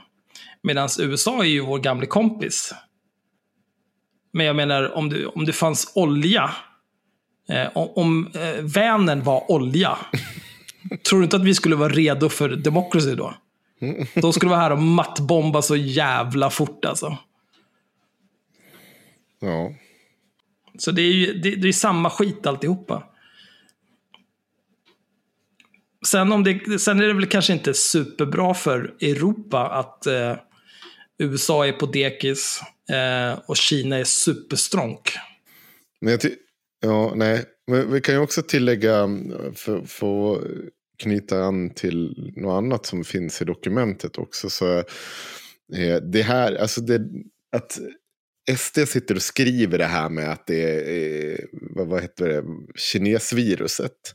Det är så otroligt det här lilla barnet som står och skriker efter sin mamma får få uppmärksamhet. Det är verkligen Sverigedemokraterna i en ny politisk kontext där de inte överhuvudtaget kan navigera. Och deras enda, liksom, de är en sån jävla one trick pony så att det de gör då, då vill de dra någonting vagt rasistiskt så att folk ska komma och prata liksom om dem. För att de ska kunna säga att nej men vadå, det är, det är bara ett virus som kommer från Kina. Det blir inget konstigt att kalla det ett Kina-virus. Och så liksom håller man på så. För en gångs skull var det väldigt få till ingen, vad jag vet, som nappade på det här. Så det här jävla eh, seminariet fick pågå i sin tysthet. Eh, men det är fortfarande Alltså det, är, alltså det är så desperat, det är så jävla sunkigt. För fortfarande så måste man ju kunna prata om, om man inte pratar om det så kan ju SD bara köra full on, vara bara rassesvin som bara plöjer på. Och det, det kan ju inte heller vara lösningen. Och sen har vi å andra sidan har vi att vi har Sverige, eller Socialdemokraterna som bara helt plötsligt börjat rusa till opinionen för att det visar sig att folk, när det blåser snålt, gärna vill ha någonting som man känner sig stabilt och hålla fast i. Och det är väl inte Sverigedemokraterna som bara just kör med den här typen av stil eller eh, någon av, annan, an, av alla andra de här jävla kaos högen som bara skriker om den annalkande domedagen i parti och minut. Men jag tycker det är så fantastiskt att se den här rörelsen som nu liksom har gått ifrån det här att ja, om 20 år då kommer vi ha en neger som president och en kvinna som någon vicepresident och så, så kommer de bara liksom förändra Sverige till någon slags muslimskt kalifat. Och det, kör Och det alla där, är bögar. och alla bögar, ja. Och så liksom kör det där om och om igen och bara flytta fram den här. För att jag menar, många av de här predictions som Sverigedemokraterna har. Alltså jag tror att den här, det, det är ju ett ak- faktiskt citat. Det här att det, fin- det var ju en Sverigedemokrat som sa att eh, typ 2020 kommer vi ha en neger som president. Och det här, de har ju bara fått flytta fram det här muslimska maktövertagen gång på gång på gång. Men nu har perspektiven gått och blivit liksom två veckor bort. Och då får man ju liksom som, när det kommer till Malcolm X och som, som säger att ja, men om två veckor då kommer folk liksom ligga i drivor på gatorna döda.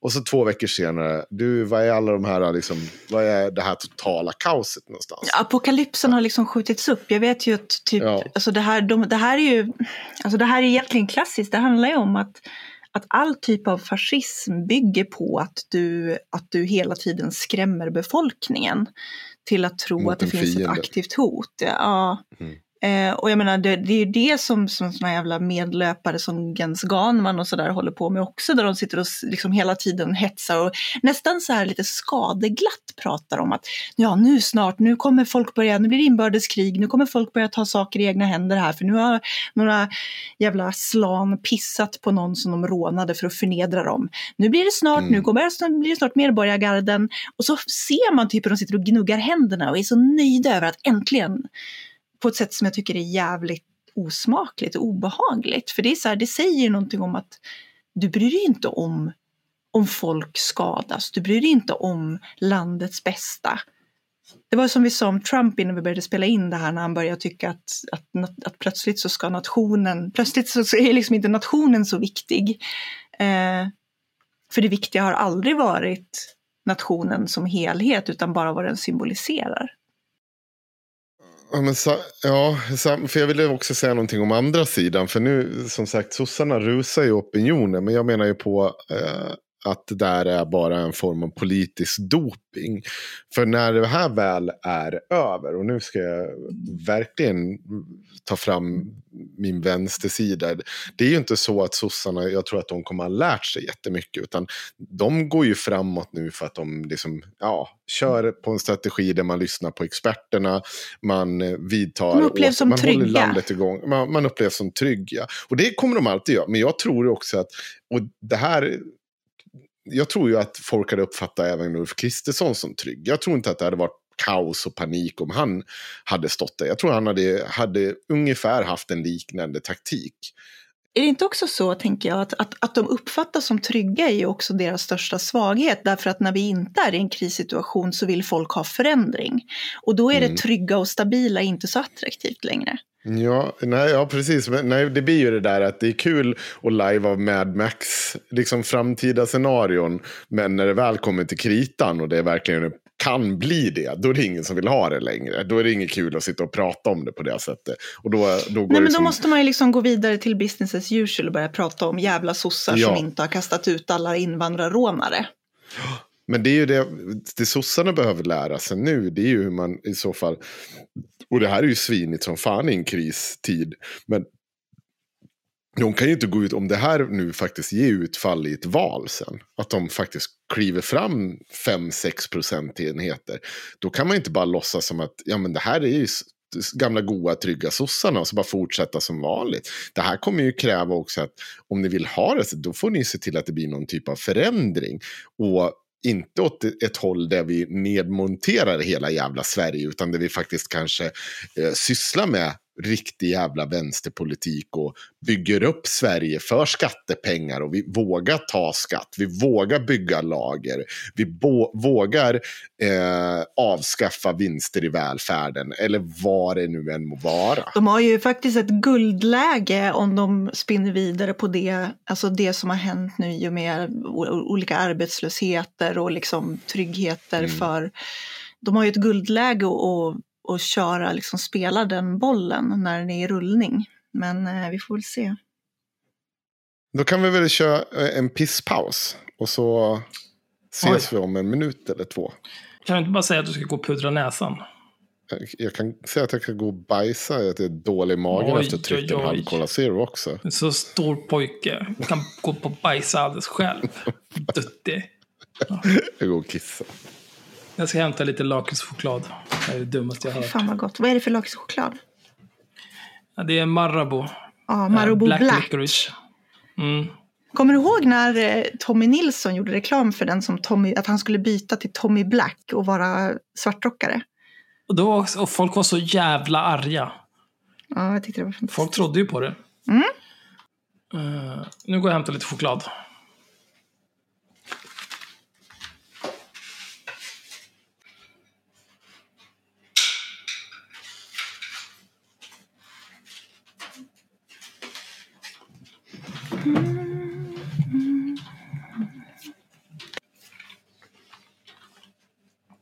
Hashtag jag är här.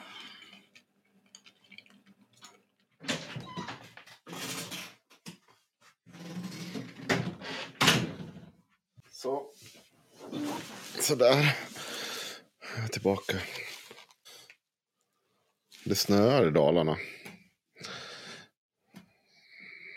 Mm, det är vidrigt. Är du klar nu Axel? Ja, jag är klar. Då är det upp till Myra. Ja, jag eh, vill presentera två scenarion för er eh, som jag kommer att läsa upp. Eh, det här är två scenarion, båda gäller eh, panelsamtal som har en, en, ett politiskt tema kan man säga. Eh, båda har bokats in i offentliga, alltså statligt ägda lokaler. Eh, och båda har varit kontroversiella.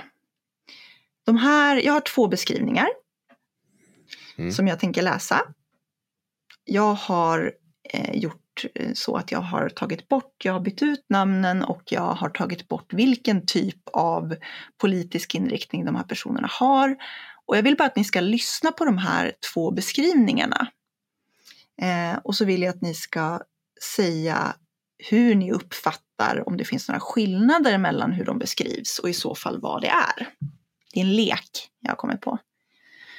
Eh, så att vi börjar då med panelsamtal 1 eh, som, eh, eh, som bland annat eh, innehöll bingoberra. Eh, och det hölls i, i en stad som vi kan kalla till exempel Springfield, Ankeborg säger vi. Bingoberra i Mhm. Ankeborg, panelsamtal. Mm. Panelsamtal två innehåller eh, två personer som vi kallar Betty och Velma i, som hålls i stan Ankh-Morpork. Så. Eh, så vi börjar med att läsa beskrivningen av Bingoberras panelsamtal. Den här de, eh, beskrivningen inleds med ett citat av en person, som, det är inte viktigt vem det var. Eh, jag sitter där och tänker att om vi kan ha ett sådant samtal så kan vi undvika krig. Demokrati innebär inte att vi måste tycka lika. Tvärtom, det är ett sätt att stå ut med varandra trots att vi tycker olika, utan att slå ihjäl varandra. Slutcitat. Jag känner att jag redan två gånger har blivit mordhotad. Om jag inte kommer på det här panelsamtalet. Mm.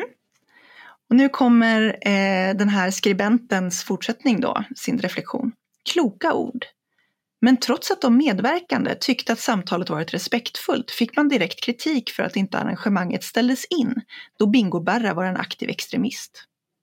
Oppositionsborgarrådet från Socialdemokraterna, eh, I wanna hump a lot, höll med och blev ledsen och arg av att se, en person med, att, eh, se att en person med extrema åsikter bjudits in.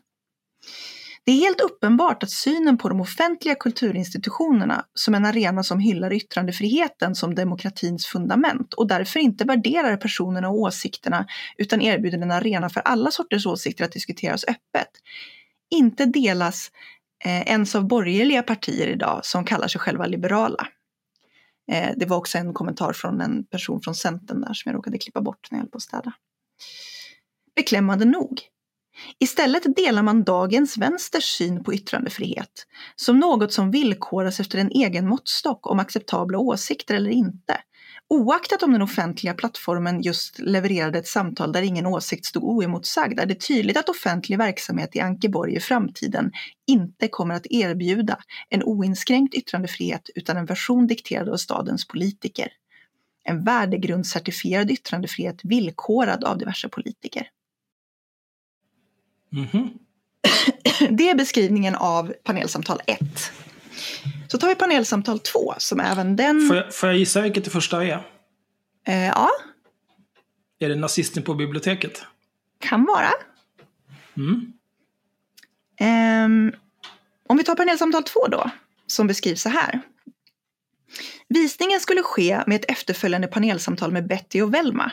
Men efter kritik i media om varför Ankh-Morpork arrangerade visningen trots kritiken mot Bettys bakgrund beslutade man sig för att ställa in den då kommunen och eh, Felicity Shagwell, dåvarande ordförande för kommunstyrelsen och socialdemokrat, ansåg att Bettys värderingar inte överensstämde med Ankh-Morporks värdegrund.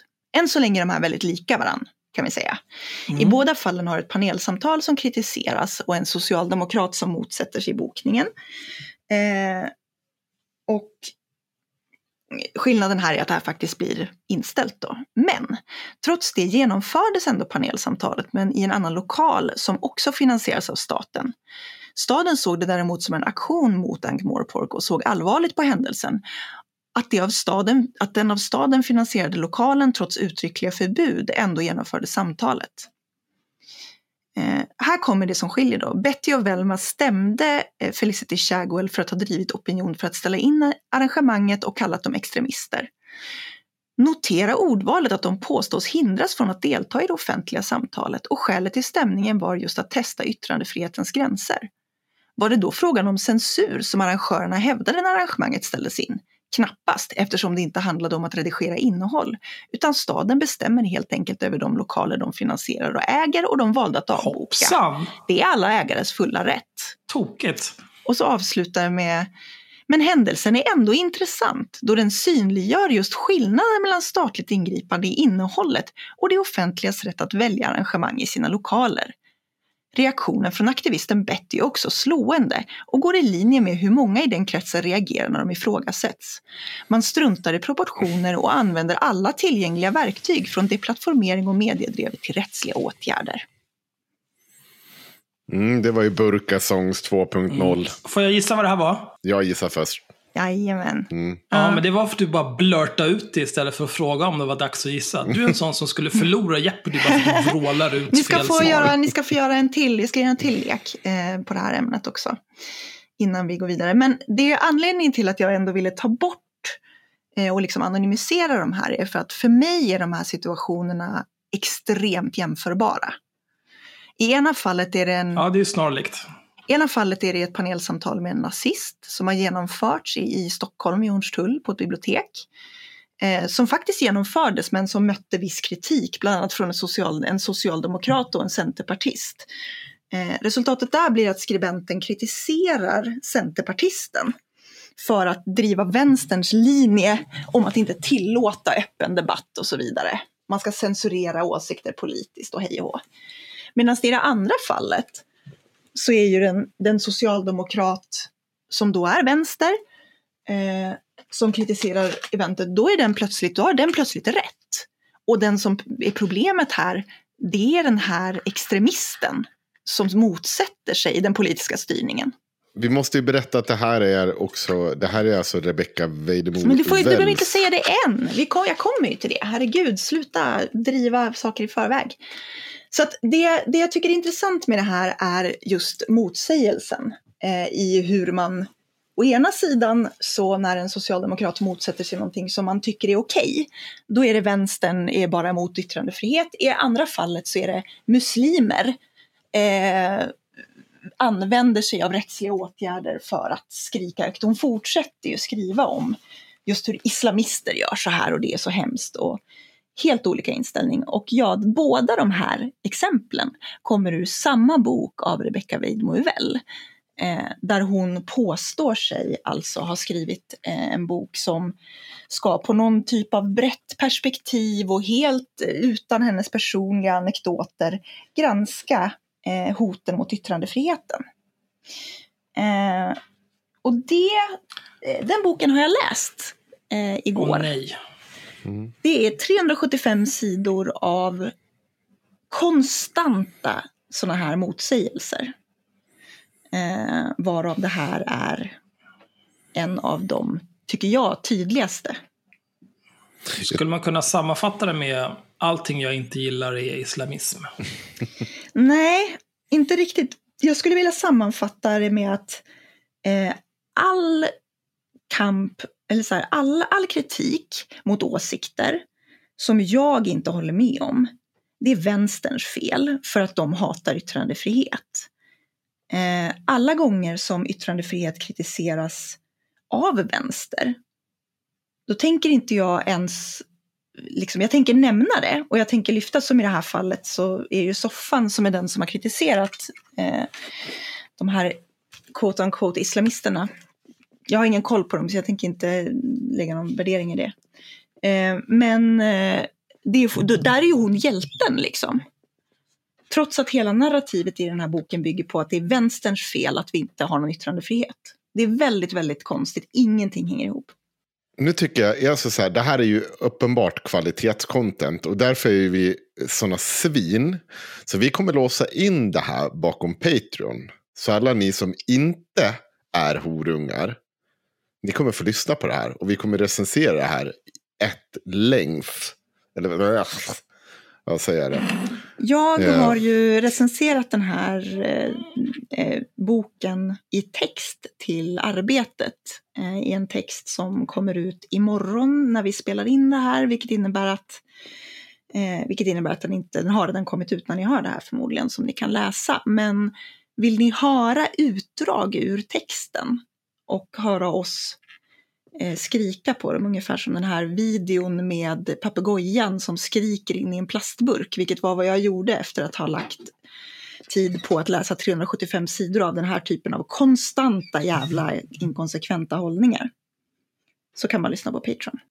Där kan man även höra I Patreon. Very nice. där kan man även höra, eh, där kan man även få höra Rebecca Weidmo reaktion på att hon får reda på att jag har beställt ut ett recensionsex av hennes bok. Eh, man kan också få höra vad som hände eh, under finansieringen av den här boken som eh, gjorde att det blev någon typ av drama inom högern. Mm. Mm. Bra Patreon. Bra Ja. Patreon. Be Patreon. Ja, vi Eh, får se om det är bra. Vi har inte spelat in den. Det Nej. kanske blir skit. Det kanske blir skit. Då får ni skylla er själva att ni ber Patreon. Jag har en liten lek till vi kan göra på den här boken. Nej, absolut inte. Du ska spara allt det goa contenten till Patreon. Jag vill att ni noterar att, att Henrik är en jävla, jävla girig kapitalist. Absolut. Jag vill bara ge er bra content. Men det får de på Patreon. Vi har alla de 2300 personerna som idag är Patreon. Och ni får inte bara det, ni får typ 28-29 avsnitt till. Och götta Jag har redan med... nämnt det. Sluta chilla.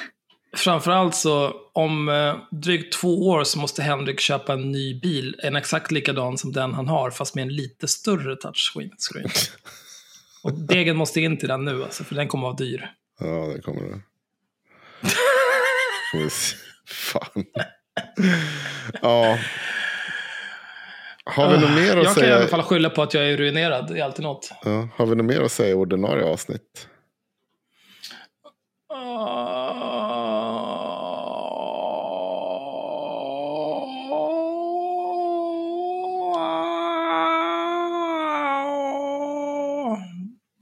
Det är inte så, det är inte så långt. Det, är bara, det, är, det här är ju ett kort avsnitt. 1,40 är lagom. Ja, det är lagom. Nej, Jag, vet inte, jag, de, jag tycker att de saker som jag la till, så jag vet inte, det, det, det, det är ingenting jag brinner för här direkt. Eh, men bra, då tycker jag att vi packar ihop det här så vi kan få spela in det där Patreon-exklusiva avsnittet så att jag kan få... Det har säkert kommit upp lite nya dailies jag kan göra, få lite AP. Mums! Låter bra. Lysande. Gud vad kul. Eh, tack för den här tiden, kära lyssnare. Glöm inte att bli patrons till Gott Snack också. Och lyssna på hela eh, Bianca Meijers eh, sågning av Anna Björklund och Moa Wallin där. Eh, nästa avsnitt blir första avsnittet på säsong fyra av Haveristerna. Oj, vi måste ha ett tema.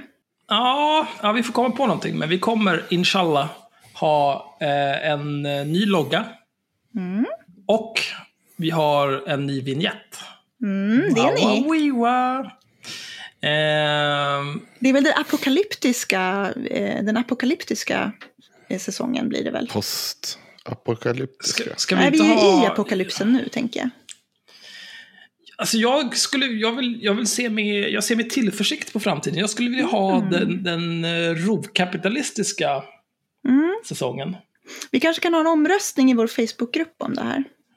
Ja, jag funderar nämligen på att Jag slänger upp en sån. börja anställa folk. Och i takt med att jag anställer folk, desto mindre behöver jag själv jobba. Till slut kan jag bara sitta. Som Jabba the Hutt. Du, eh, du ska göra som den här, vad heter den här mannen som har skrivit fyra timmars kroppen, fyra timmars eh, livet. Han liksom ska göra allting på fyra timmar. Eh, jag tror att ett av greppen han gör är att han outsourcar sitt eget arbete till någon indier. Så att Mm. om du kan hitta en sån här callcenter-indier så kan den personen sitta i podcasten istället för dig. Ja, det vore för sig grymt. Jag har ju faktiskt eh, fyra kollegor som jobbar i Mumbai, Mm. som är indier. Extremt kompetenta.